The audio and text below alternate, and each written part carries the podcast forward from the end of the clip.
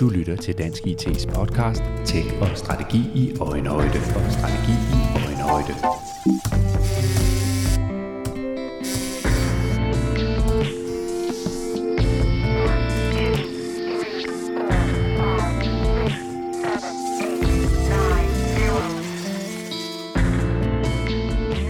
Velkommen til denne særudgave af Dansk IT's podcast Tech og Strategi i Øjenhøjde. Vi bringer en lydoptagelse fra Dansk IT's konference om offentlig digitalisering, OFDIG, der blev afholdt i marts måned i Odense. På konferencen kunne de 1500 deltagere opleve hele 85 forskellige sessioner og 165 forskellige talere. En af de oplægsholdere, der formåede at fylde den store sal og at fastholde publikums interesse hele vejen, var Ulrik Vestergaard. Ulrik Vestergaard er tidligere departementschef i Udenrigsministeriet og nuværende vicegeneralsekretær i OECD. Han var inviteret med til Ofdik for at give sit perspektiv på den uro og usikkerhed, der præger verden i øjeblikket, og for at sætte ord på, hvad den nye verdensuorden betyder for alle jer, der arbejder med digitalisering. Før Ulrik Vestergaard indtog scenen via en virtuel forbindelse fra Paris, havde en lokal musiker spillet en smuk version af Albertes sang Lyse Netter. Med den sang som afsæt begynder her min samtale med Ulrik Vestergaard om den nye verdens uorden.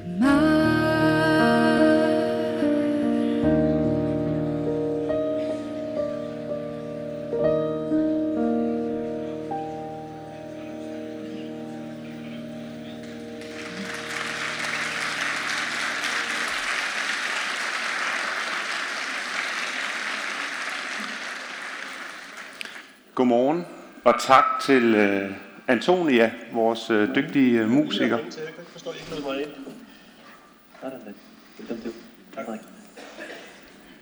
Fint.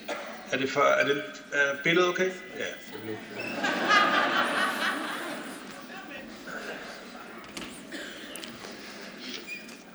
Det ser ud til, at uh, morgens gæst er, er ved at være på vej, og, uh, og det er vi glade for, for uh, nu slutter vi af med lyse netter her, og det er jo sådan en, en sang, der altid bringer lidt, øh, lidt følelser op og lidt tanker op hos mange af os, nemlig den her længsel efter forår og lys og tro og håb, og det har vi jo nok især brug for i øjeblikket, hvor der er mange ting i verden, der virker sådan lidt, øh, lidt forkert. Det er som om, at den verden, vi troede, vi kendte, den på en eller anden måde er ved at krakelere lidt. Øh, der er en krig i Ukraine, der er en energikrise, der er truslen om snarlig recession, Øh, der er noget omkring øh, magtbalancen i verden, der er også stillet spørgsmål ved, ved øh, demokratier og udfordres. Der er nok af problemer, at vi kan bekymre os om, men heldigvis så findes der sikkert også øh, veje ud af det, og en vej ind i fremtiden, også for alle jer, der arbejder med, med digitalisering. Men for at prøve at forstå, hvad det egentlig er, øh, der sker,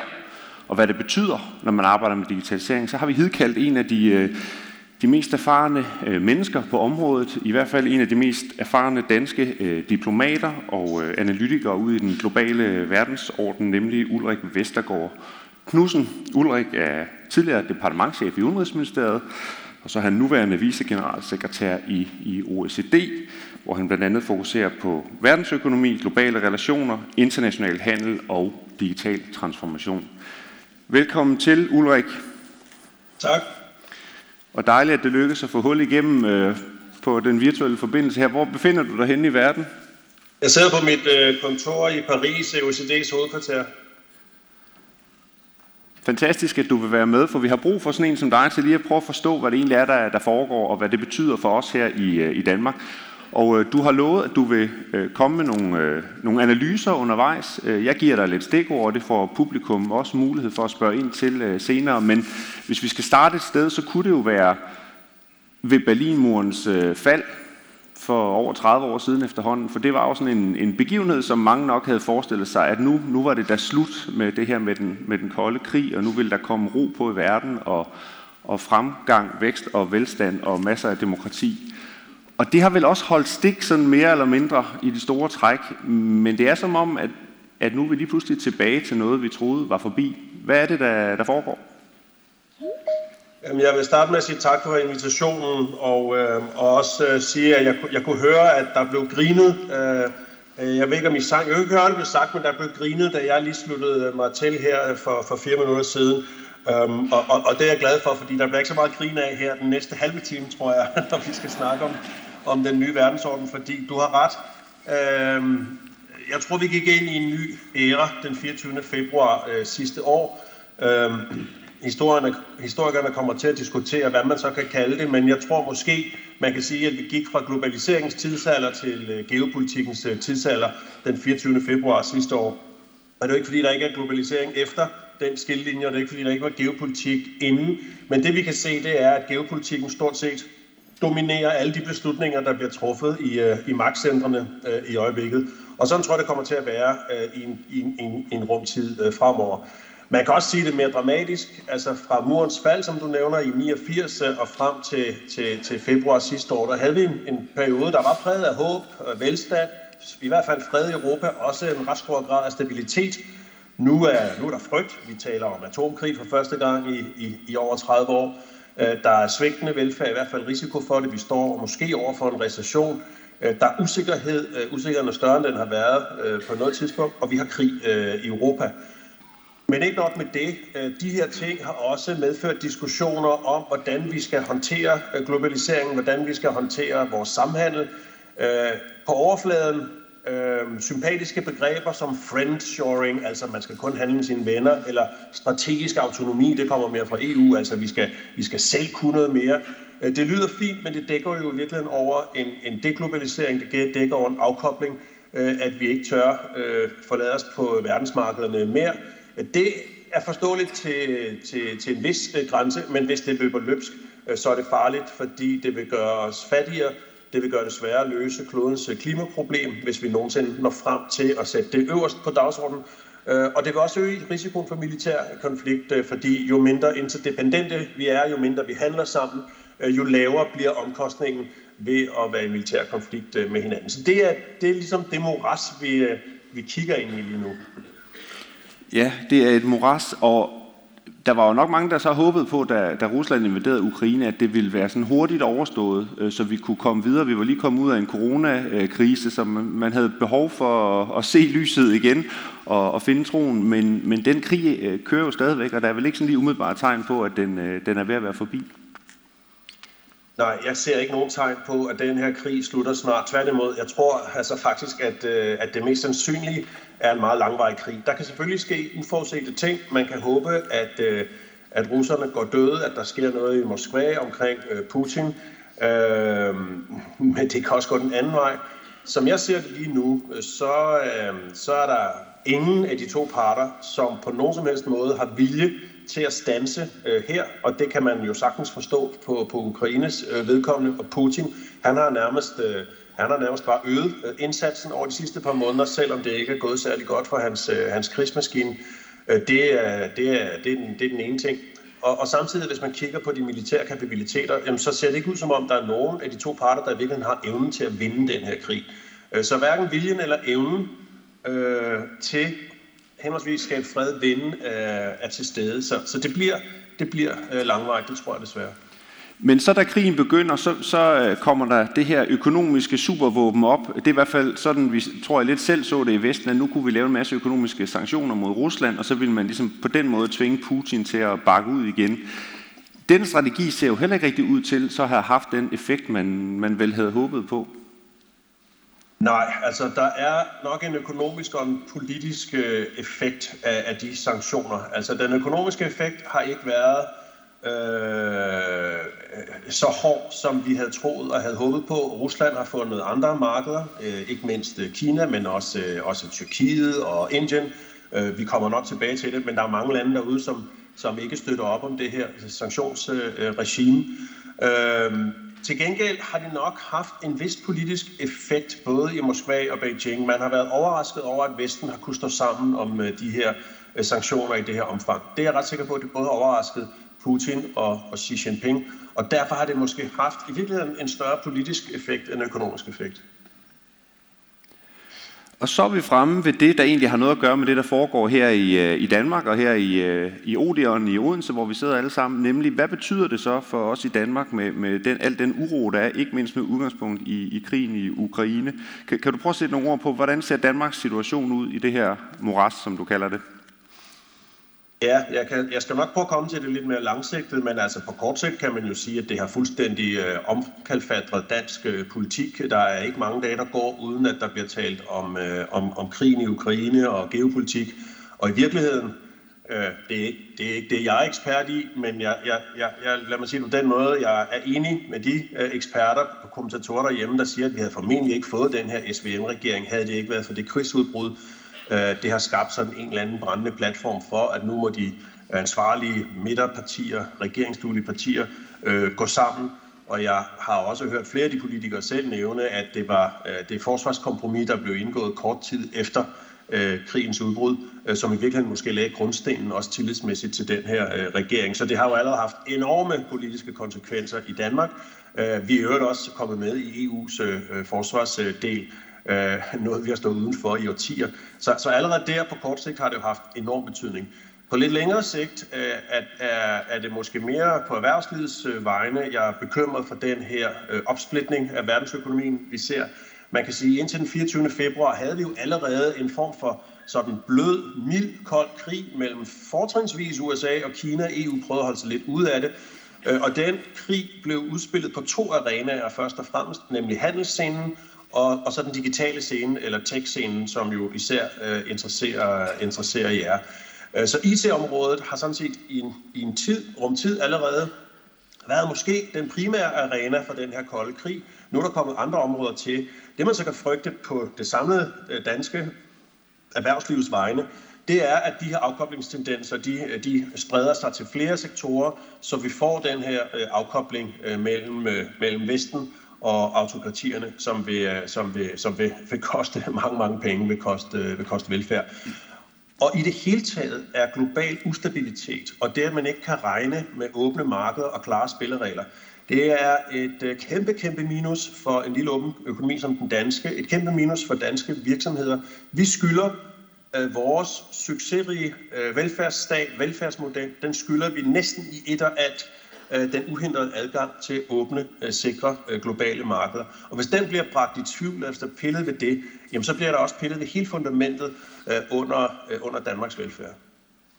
Og vi kommer lidt tilbage til det her med afkoblingsproblematikken, men, men lige i forhold til det med recession, hvad, hvad, hvad, hvordan ser det ud set fra din stol? Altså både i forhold til den øh, risiko for en recession her i Danmark, men også øh, på europæisk plan, og også i forhold til, hvordan udvikler det sig så forskellige steder i verden, USA, Kina, øh, Europa? Altså, øhm, det, det, ser ikke, det, ser, det ser ud til at blive et hårdt øh, 2023 øh, for, for verdensøkonomien. Øhm, vi troede for nogle måneder siden faktisk måske, at eurozonen ville gå i recession. I hvert fald troede vi, at nogle af Danmarks allerstørste nærmarkeder, øh, UK, Sverige og Tyskland, ville gå i recession.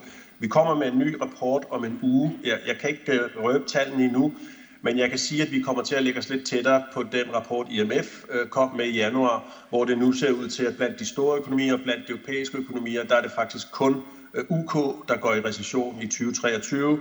Nogen her taler, taler med en vis skadefryd om, øh, om the Brexit dividend. Øhm, men øh, i hvert fald er det en kendskærning, at den britiske økonomi nok har de ringeste udsigter øh, blandt, øh, blandt dem, vi kan sammenligne os med. Så jeg tror faktisk, at Danmark og eurozonen lige akkurat undgår øh, recession i 2023. Men det plejer jo ikke at være et mål i sig selv. Vi skulle gerne op på lidt højere vækstrater, og det ser vi ikke ud til at komme nu. Vi skal have bekæmpet øh, inflationen. Øh, både Fed, øh, Federal Reserve i USA og, og ECB, altså den europæiske centralbank, siger jo ret klart, at, øh, at vi er nødt til at få bugt med inflationen øh, for at få øh, komme tilbage til mere stabil økonomi og undgå øh, øh, udhuling af, af realløn osv.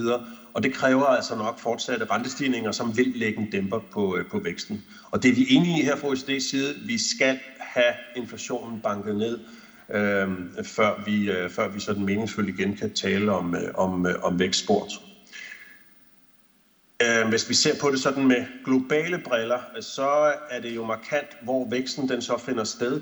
Og, øhm, og formentlig cirka halvdelen af den samlede værditilførsel i 2023. Altså halvdelen af den samlede globale absolute vækst i verdensøkonomien i 2023, den kommer til at komme alene fra Kina øh, og Indien, og det siger jo også sig selv øh, meget om den nye øh, verdensorden, både økonomisk og, og politisk. Det er ikke, Øh, det er ikke Europa og USA, der er, vækstmotorerne i øjeblikket. Ja, for hvis igen vi vender tilbage til det her med efter murens fald og den, den, øh, den udvikling, der har været i verden set med vores øjne, så har det jo i høj grad handlet om globalisering, og det har, der har ligesom været lighedstegn mellem det og så vækst og velstand. Vi har nyt godt af globaliseringen, men, men er, det, er den tid forbi? Er det noget andet, vi kigger ind i nu?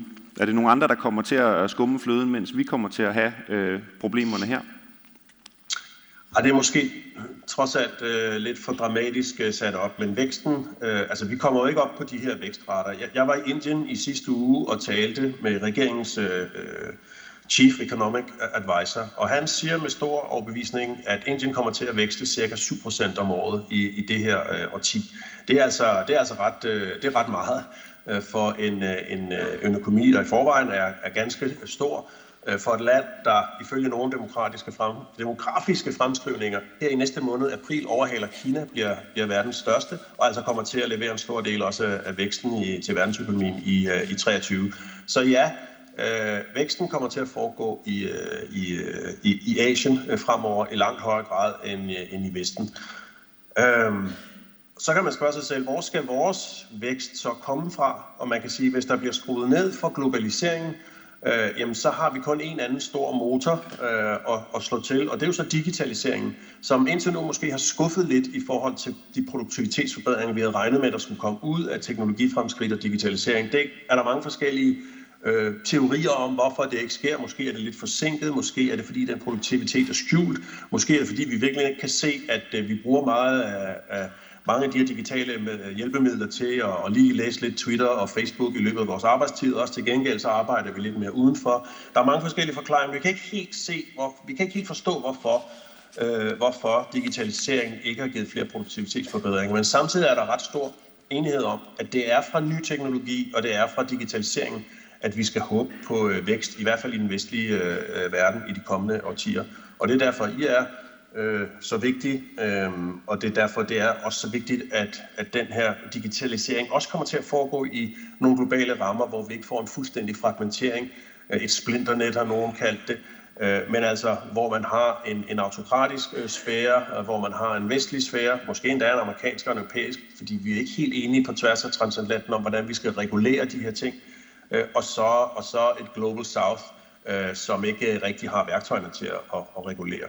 Så, så jeg tror, at der er en mulig god grund til at se på global regulering, og her mener jeg sådan set lige så meget også global afregulering, men reguleringstemaet for digitalisering og teknologi bliver vigtigt, og vi lancerer her i OCD et globalt øh, teknologiforum, blandt andet for at se på det øh, her i 2023.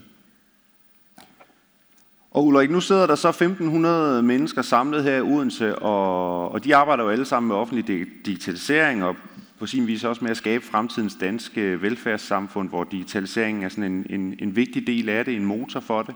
Øh, hvilke fokuspunkter øh, bør publikum her i salen have i de kommende år, set fra din øh, stol? Ja, det kommer vi lidt uden for min uh, umiddelbare uh, ekspertise, men jeg har lyst til at, at starte med uh, her fra Paris og give en, en kæmpe thumbs up til, til, til jer 1500, fordi Danmark er næsten uanset hvordan vi måler det, også vores, vores analyse her i OECD, er nummer et i verden, og i hvert fald nummer et i OECD, når det gælder offentlig øh, digitalisering. Så det, så det korte svar er jo bare, at I skal blive ved med at gøre det, I gør, gøre mere det, I gør, og lade være med at hvile på, øh, på, øh, på laverbærene. Jeg tror, at vi er, jeg tror, vi er nødt til øh, at erkende i Danmark, at når vi ikke har nogen øh, råstoffer, vi har ikke nogen naturlig øh, rigdom i Danmark, og nu ser det ud til, at vi måske heller ikke i helt samme omfang kan regne med øh, et, et, et, et globalt sikkert marked for afsætning af vores varer. Så det bliver endnu vigtigere for os, at vi er dygtigere til at øh, organisere os, at vi bliver mere effektive. Og digitalisering i hele taget, og, og, og digitalisering i offentlig sektor bliver helt, helt afgørende, tror jeg, for at Danmark også om 10-20 år er et af de mest øh, vellykkede samfund øh, i verden. Det, for det er vi. Men når vi taler digitalisering, så er det vel netop noget af, af det mest globale, der findes. Internettet er jo globalt i dets natur, Og, øh, og det er svært sådan at arbejde med fysiske grænser, øh, som vi kender det fra et, øh, et, et, et verdenskort.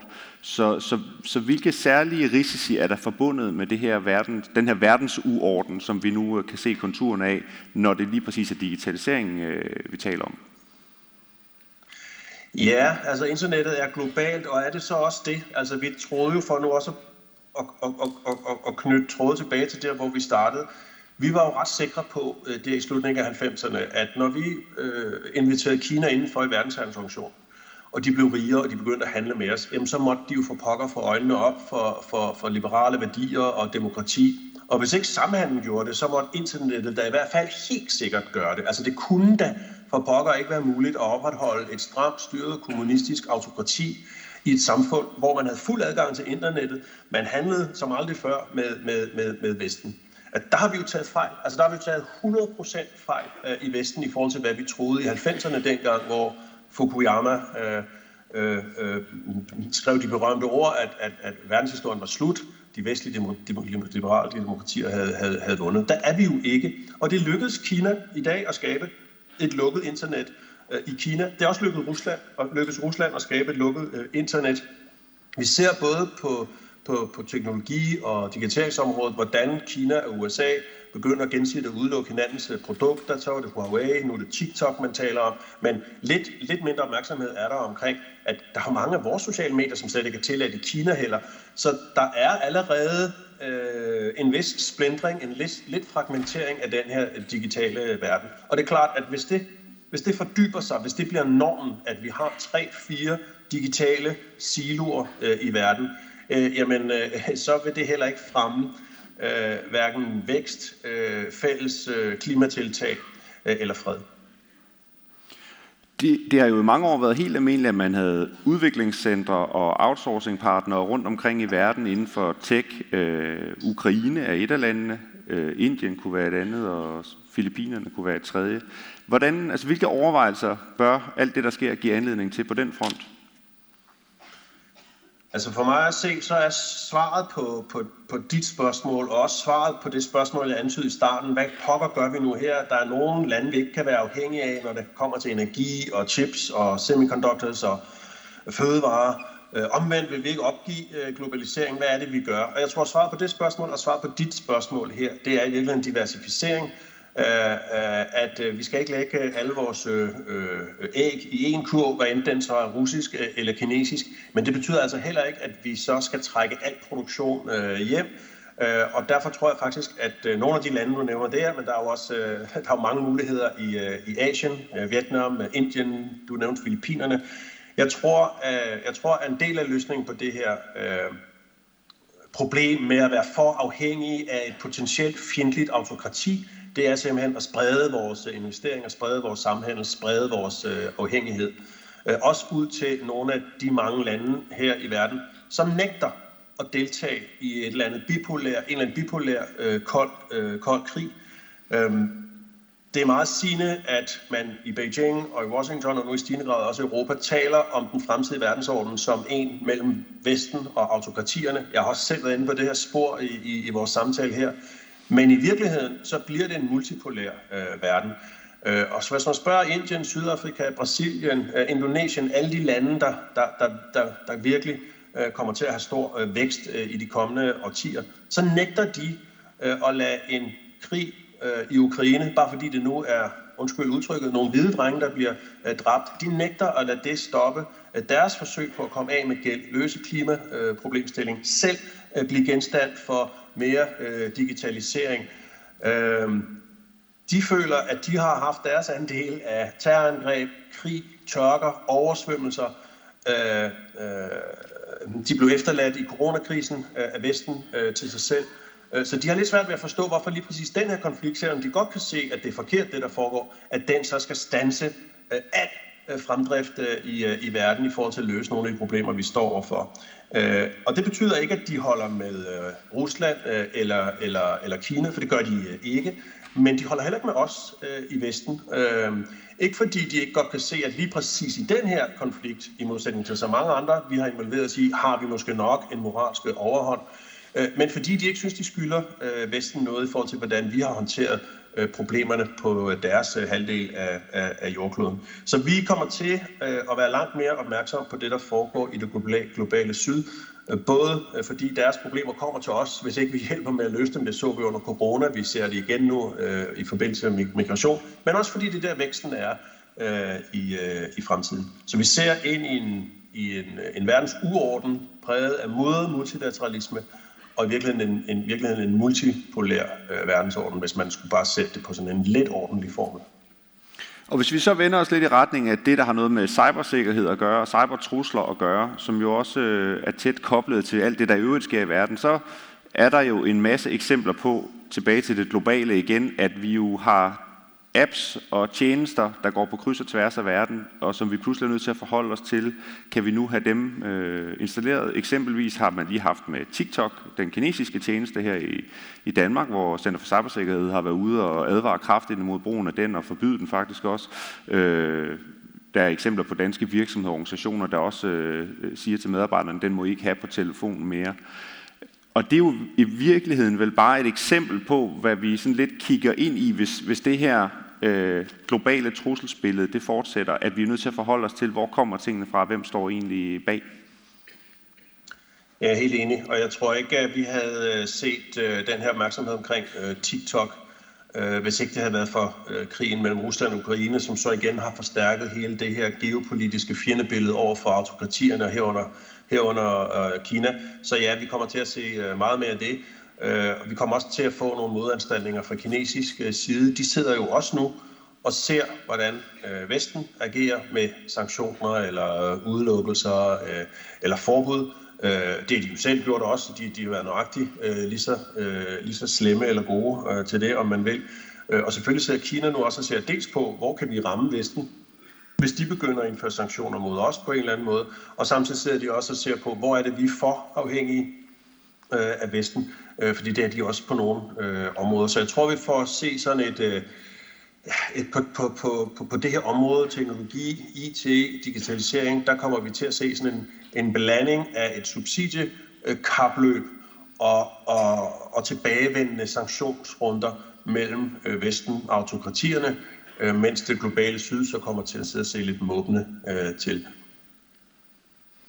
Ulrik, lad os prøve at, at tage publikum med her. Jeg ved ikke, om teknikeren kan kalde, øh, vi har sådan en Slido øh, øh, QR-kode, som I kan anvende. Så hvis I hopper ind øh, på slido.com og, og taster det her hashtag, eller bare bruger QR-koden, så kan I stille spørgsmål til Ulrik, øh, og så vil han øh, prøve at, at, at svare på dem. Øh, og mens vi venter på, at de tigger ind, Ulrik, så, så, så vil min næste spørgsmål til dig være, når man så sidder ude i en i en, øh, en dansk virksomhed eller i en offentlig myndighed og, og, og laver strategier, forretningsstrategier, digitaliseringsstrategier, øh, på hvilken måde skal hele verdens uordnen så øh, implementeres i det, eller i hvor høj grad bør man tage højde for de ting, der sker ude i verden, og som man jo trods alt ikke øh, på den måde har en umiddelbar indflydelse på?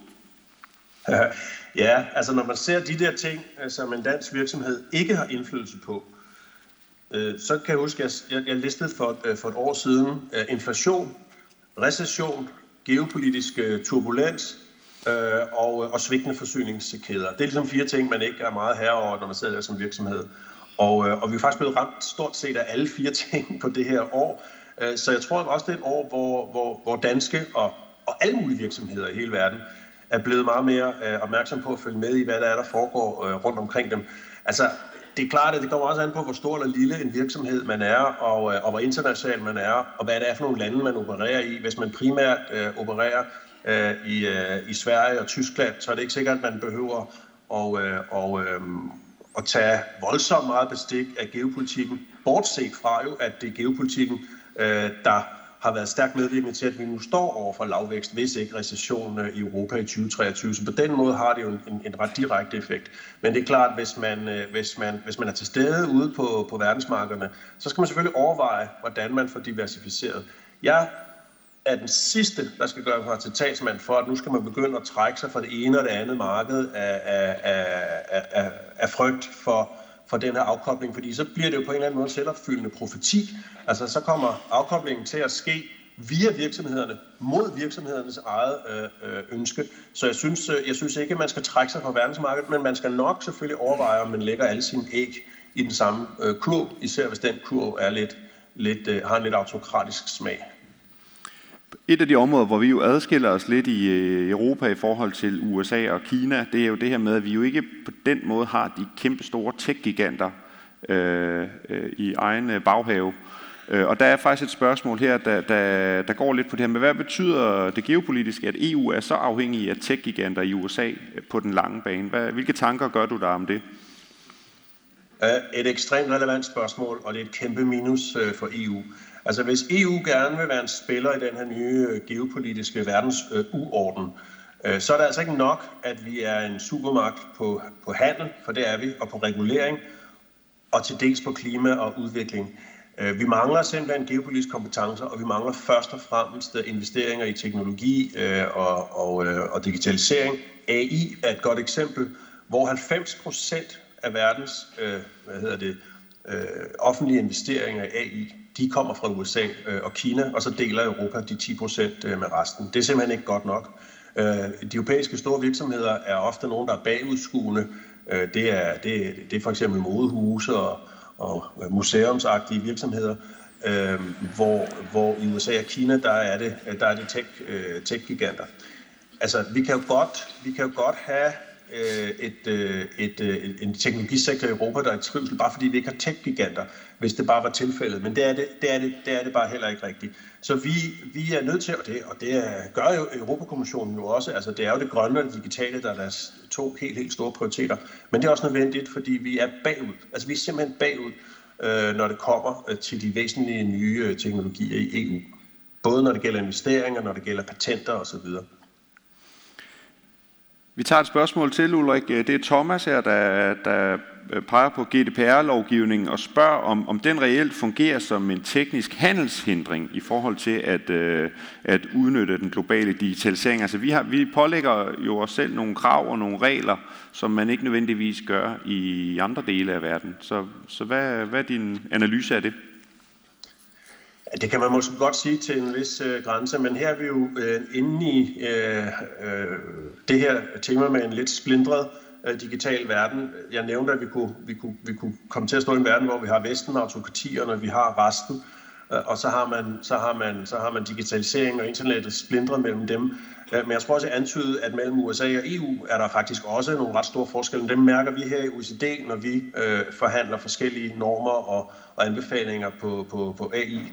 Og, og en af dem er jo altså, at i Europa, der lægger man langt mere vægt på forbrugernes øh, rettigheder, på, indi- på beskyttelse af individets øh, øh, rettigheder, privacy osv., øh, hvor man i USA har en større tendens til at sige, jamen det er altså markedet, der er de der øh, data, og hvis først du har givet dem væk, så er det, så er det markedet, så er det virksomhedernes. Øh, meget sådan groft stiliseret kan man sige, at hvis man i de der fire potentielle centre i en fragmenteret IT-verden spørger, hvem er det egentlig, der ejer data, så er svaret i USA, det er, det er markedet, der ejer data. I Europa er det, jamen det er individerne, der ejer øh, data.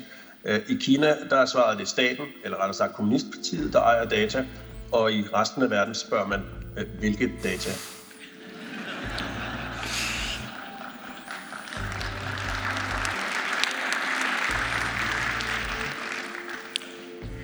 Og, og apropos det her med, med resten af verden, så har vi et uh, spørgsmål fra, fra Søren, uh, der går på Afrika. For nu har vi ikke talt så meget om Afrika, men, men uh, hvor er Afrika henne i alt det her, og uh, er der muligheder for samarbejde og forretning, vækst osv. der? Altså, ja, der er et kæmpe potentiale øh, i øh, Afrika, og der er jo også øh, nogle, altså der er jo helt klart nogle digitale vækstcentre i øh, Afrika. I mit tidligere job i Udenrigsministeriet besøgte jeg også nogle af dem i Østafrika. Så det, det er spændende, det der foregår. Men der er jo ikke meget øh, infrastruktur. Det er meget noget, der foregår fra mobiltelefoner, og der kan man selvfølgelig også øh, gøre øh, meget. Øh, samtidig er det noget, der foregår fra et, øh, et øh, BNP-niveau, der er meget lavt. Så selv når man opnår relativt høje øh, parter, så er det ikke noget, der batter så meget øh, i, øh, i absolute termer, og det er formentlig grunden til, at vi snakker mindre om øh, Afrika. Men vi kommer til at tale mindre, øh, mere om Afrika øh, resten af det her øh, øh århundrede. Afrika står for en demografisk eksplosion, øh, og det kommer til at betyde noget både på digitalisering for arbejdspladser. Øh, den første bekymring for europæiske beslutningstager bliver nok, bliver nok migration, øh, mere end, end, end digitalisering. Men der er alle mulige grunde til, at vi skal engagere os mere i Afrika. Og så har vi en, øh, et spørgsmål, der går i forhold til det her med afhængigheden af henholdsvis USA og Kina på det digitale område. Altså, hvad skal vi gøre for, øh, som du lidt er inde på her, at vi skal sprede afhængighederne? Øh, så skal du fortælle lidt om, hvordan ser afhængighederne ud af henholdsvis Kina og USA, og hvad tænker du om, at, hvordan kan man sprede øh, den afhængighed? Øhm, jeg, jeg er ikke sikker på, trods alt, at vi på kort sigt har råd til at prøve at løsrive os øh, fra USA, og heller ikke vi skal. Men vi er jo samtidig også i en form for subsidieræs med USA, både når det gælder altså grøn, det grønne område, teknologi, øh, og lige nu har man en stor konflikt hen over Atlanten øh, omkring den her Inflation Reduction Act, hvor Europa beskylder USA for at tiltrække europæiske investeringer via subsidiering af, af, af grønne investeringer i, øh, i, øh, i USA. Så ja, der er konflikter der, men den der øh, men, men det er sådan, det, hvad skal man sige, det er på subsidiesiden, øh, at vi får nogle handelskonflikter med USA. Øh, afhængigheden øh, og afhængighedsdiskussionen, den er mere rettet øh, imod øh, Kina, fordi der er simpelthen bare øh, nogle områder øh, omkring øh, tilvejebringelse af chips, solceller, semiconductors, men også hele området omkring quantum computing osv., øh, hvor, øh, vi har, hvor, vi, øh, hvor vi skal være påpasselige med, øh, hvem vi gør os indafhængige af, også øh, altså sjældne jordarter, øh, øh kritiske øh, øh, råmaterialer osv. Hele det der område er, er højspændt i forhold til øh, at mindske øh, uafhængighed af dem, vi frygter, vi kan blive afkoblet fra. Og for at blive lidt i den boldgade, så er der et spørgsmål, der går på, på det her med øh, aftalerne med USA, altså de her forskellige øh, datasamarbejdsaftaler, og at vi ligesom kan finde fælles fodslag i forhold til, hvordan vi behandler data. Øh, så spørgsmålet går på, hvordan vurderer du mulighederne for, at EU og USA finder hinanden på big tech-reguleringen? Øh, Øh, fordi den manglende sammenhæng slår jo igennem i meget konkret form ude i danske kommuner og, og offentlige instanser. Så, så hvordan ser muligheden ud? Det ved jeg simpelthen ikke noget om, må jeg ærligt indrømme. Det er fair, men du ved, noget om, du ved noget om, hvordan vi plejer at kunne tale sammen på kryds og tværs, ja. og ikke mindst med vores nærmeste allierede. Så, så hvad tænker du med det udgangspunkt? Altså jeg tænker, at vi over Atlanten alligevel ofte ender med at, at løse tingene. Øh, vi har haft nogle meget svære forhandlinger her i OECD, og nu er det så mig, der bliver lidt teknisk på et andet område, om, øh, om en aftale, som hed Enhanced Access to Private Information. Det vil sige, det handler om, hvordan offentlige myndigheder kunne tilgå privates øh, data, øh, hvor der er igen, det, det, det, det, det ramler lige ned i det der krydsfelt, jeg nævnte før, med er det egentlig markedet eller individerne, der ejer øh, Øh, data. Og det har vi altså haft nogle ret voldsomme konflikter om med, mellem europæiske lande, EU-kommissionen især, og USA øh, på den anden side. Men det lykkedes os på et ministermøde her i december alligevel øh, at blive enige om at sætte nogle hegnspæle op, som tilfredsstillede både Bruxelles og Washington. Og så fik vi en, en aftale om det, som begge parter nu kan, kan leve med. Så jeg kan ikke svare på det der specifikke spørgsmål. Øh, jeg kan bare sige, at det er et område, hvor der hele tiden er, er, er, er gnidninger, ligesom der også nu er på handelsområdet med den her Inflation Reduction Act. Så, så gnidninger og, og, og lavkonflikt hele tiden, øh, men også en trods alt forståelse mellem verdens to største demokratiske blokke, verdens største samhandelsforhold også, øh, at, øh, at vi er nødt til at løse de her problemer. Og den, den urgency er selvfølgelig blevet endnu større af, af, af, at vi nu står så stærkt sammen øh, i, øh, mod Rusland i, øh, i, i den her øjeblikkelige geopolitiske konflikt. Det er med til at lægge lov på nogle af de her konflikter, og med til at skabe en lidt bedre platform for også at få løst øh, økonomiske, teknologiske, handelsmæssige konflikter mellem øh, USA og Europa. Og så tager vi lige et sidste tema her, øh, spørgsmål fra publikum, og det, det går på, hvad OECD øh, mener om indsatsen inden for cybersikkerhed i lyset af, af den verdensuorden, vi nu har, har talt om her. Hvad, hvad tænker du øh, i forhold til de indsatser, du oplever, der er rundt omkring, både i virksomhederne og, og i de forskellige lande? Øh, kort sagt, at vi er nødt til at gøre øh, mere, og at vi er nødt til at gøre det mere koordineret, og hvor jeg på, øh, hvor jeg på øh, det handelspolitiske og det økonomiske område af, advarede lidt mod den her afkobling fra for eksempel øh, Kina øh, og Rusland, så er det her et område, cybersikkerhed, som for mig at se helt klart øh, falder ind under øh, de, øh, den paraply, hvor vi skal arbejde meget mere sammen, øh, demokratierne, Øhm, og det, det prøver vi også at facilitere her i OECD, men det er jo også en diskussion, der foregår i NATO, den foregår i EU, den foregår også i det her Trade and Technology Council mellem EU og USA. Så vi er ikke den eneste spiller øh, på banen her, øh, men, øh, men det er nok noget, hvor væsentlige fremskridt ikke kommer til at ligge i FN og de store globale multilaterale organisationer, men måske øh, hos, øh, i nogle af de samarbejdsforer, der, øh, der i højere grad omfatter vestlige demokratier. Ulrik, vi har et par minutter tilbage kun, og øh, vi lagde ud med at høre en, en, øh, en dansk musiker spille Albertes uh, Lyse kommer Netter. Ikke, kommer ikke til at spille noget. Så vi vil godt bede dig om at synge. Nej. Øhm, vi, vil, vi har brug for at vende tilbage til lyset og troen på, at der trods alt venter mange gode ting forud, og, og at, at der også er en masse muligheder, vi kan gribe. Så, så du får lov til at slutte af med at pege på, på, på lyset, og hvad det er, vi kan glæde os til. Jamen, jeg, havde holdt, jeg, jeg var med til sådan et arrangement for et par måneder siden, hvor jeg kom til at sige til sidst, at jeg fik et lignende spørgsmål, at øh, der er lys forud, det er snart weekend, nyd den, det kan være jeres sidste. Øh, men det, var, det, var, det blev alligevel det blev lidt for mobilt, øh, og jeg tror heller ikke, at, øh, jeg tror heller ikke, at øh, 3. verdenskrig kommer inden øh, weekenden eller næste weekend. Fire positive ting vil jeg gerne øh, pege på helt øh, kort, hvis jeg har øh, to øh, minutter. Altså, og det ene, det er, at Vesten er tilbage. Det kan godt være, at Fukuyama øh, skrev, at historien var slut.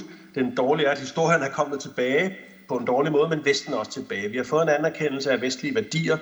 Øh, vi har en vestlig øh, enighed, som vi ikke har haft siden 1989. Det er positivt i sig selv. Man skal lade være med at oversætte det til, at Vesten nødvendigvis står stærkere globalt. Det tror jeg ikke, vi gør, for der er ikke mere opslutning Øh, til vestens geopolitiske ambitioner nu, end der var for et øh, år siden. Så det er mere en intern styrke, vi har opnået, en, en, en, en intern sammenhængskraft, vi ikke har haft længe. Det synes jeg er positivt. Så har vi ikke talt øh, helt så meget om EU, men jeg er også sikker på, at EU står stærkere nu end for 13 måneder siden.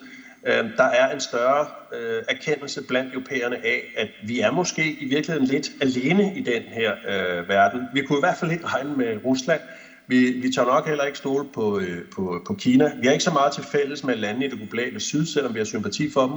Og så er der sådan set kun øh, USA tilbage, hvor jo Joe Biden og hans administration skal have kæmpe ros for at have smidt den her øh, alliance. Øh, det er stadig USA, der er den ledende kraft i verden, selvom det ikke er en hegemonisk kraft mere. Men vi ved også godt, at USA er et uh, samfund i dyb, dyb splittelse, et stærkt polariseret samfund, og vi ved jo helt ærligt ikke, hvad der kommer efter uh, Biden. Øhm, vi har ikke tid til det nu, men prøv at forestille jer, hvad der var sket, øh, hvis den her øh, krise øh, var, var, var sket under, under Trump. Det er, det er helt uforudsigeligt. Måske så uforudsigeligt, at det slet ikke var sket, fordi Putin også havde været mere bange for, for, for reaktionerne i, øh, i, øh, i Vesten. Så det er også positivt. Jeg tror, at EU kommer til at gå styrket øh, ud af det her. Øh, så er det positivt, at, øh, at øh, den her energiafhængighed af Rusland giver et, et, et boost til, til grøn omstilling. Det er også en fordel for Danmark. Det spiller ind i, i, i danske erhvervspolitiske øh, kompetencer. Og så er det fjerde, og der er jeg en lille smule forsigtig, men indtil nu i hvert fald, så må man sige, at populismen har haft en øh, dårlig krig. Det sidste år har været skidt for Trump, for Le Pen, for Bolsonaro, for, for Barbis, for Salvini. Øh, se bare det estiske valg, øh, også her i sidste uge. Der er en analyse af 27 øh, lande, som viser, at, øh, at populister, ledende populister i de lande er gået 10 procent point tilbage det her år i approval rating. Så der er åbenbart en eller anden tendens til, at vi i demokratierne nu samler os om det, jeg vil kalde mere seriøse, regeringsduelige øh, øh, kræfter, som kan håndtere øh, de reelle problemer.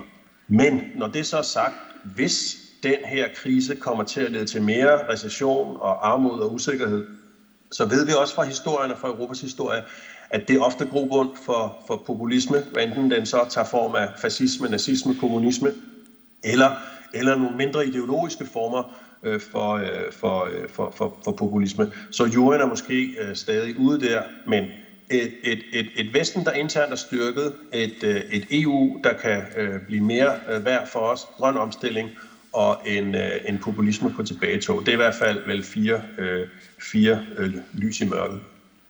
Tak for at give os både øh, mørket og lyset, skulle jeg til at sige. Det har været en øh, fornøjelse at øh, blive lidt klogere og, og at forstå, hvad det egentlig er, der foregår, så vi kan finde ud af, hvad, hvad vi skal herfra. Tak til Ulrik Vestergaard Knudsen. Tak.